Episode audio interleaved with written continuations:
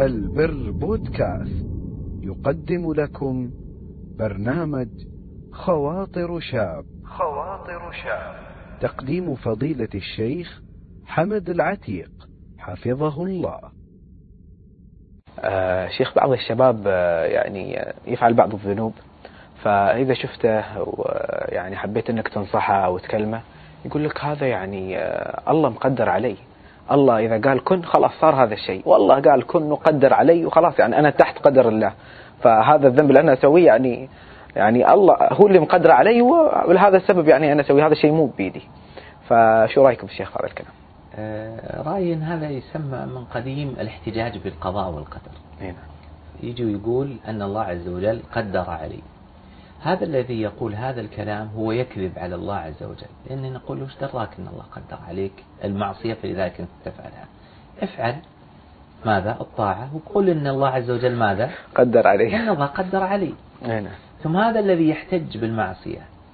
يحتج بالقدر على المعصية؟ هل هو يحتج بالقدر في كل أفعاله؟ الآن هو يدرس. أليس كذلك؟ نقول له ليش ما قلت أنت إيش؟ الله قدر علي إذا ماني بدارس. نعم. ثم يروح يبحث عن وظيفة. نقول له ليش ما تقول قدر الله عز وجل علي وأجلس في البيت؟ ما يحتاج وظيفة. ف... ويبحث عن الرزق. وإذا أصيب بالمرض وش يسوي؟ روح المستشفى. يروح المستشفى. ما يقول قدر الله عز وجل علي المرض ماني برايح أتعالج. إي نعم. بسبب ماذا؟ الشيطان لعب عليه ليحتج بالقدر في المعصية. ولو كان صادقا لاحتج بالقدر في كل ما يصيبه من المعائب الدنيوية. عدم الدراسة عدم النجاح عدم الوظيفة عدم سلوك العلاج والبحث عن الدواء وهذا لا يفعله عاقل.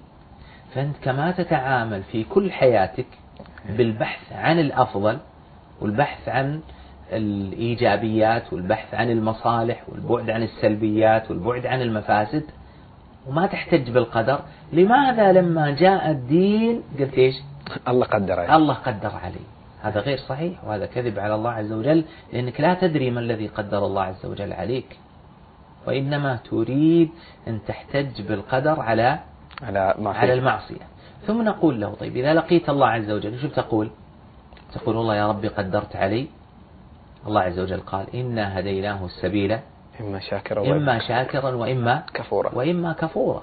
حينما الحين حطينا قدامه سم حطينا عنده طعام. إيه.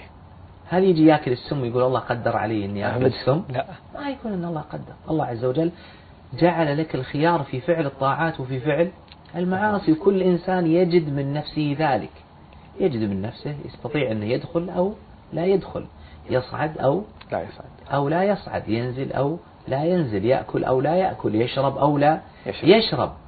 يفعل الطاعة أو لا يفعل الطاعة يفعل الحرام أو لا يفعل الحرام وإلا لو كان القدر حجة في فعل المعاصي لما تاب أحد ولا ما رجع أحد إلى الله عز وجل. يقول الله عز وجل وتوبوا إلى الله جميعا أيها المؤمنون لعلكم تفلحون. لعلكم تفلحون. كيف الله عز وجل يقول لنا توبوا؟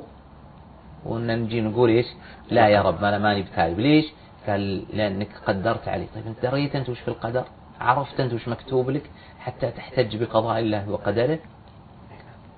فالواجب على الشاب أن يعلم أن الاحتجاج على القدر فيه كذب على الله سبحانه وتعالى وفيه متابعة للشيطان اللي قاعد يضحك عليك.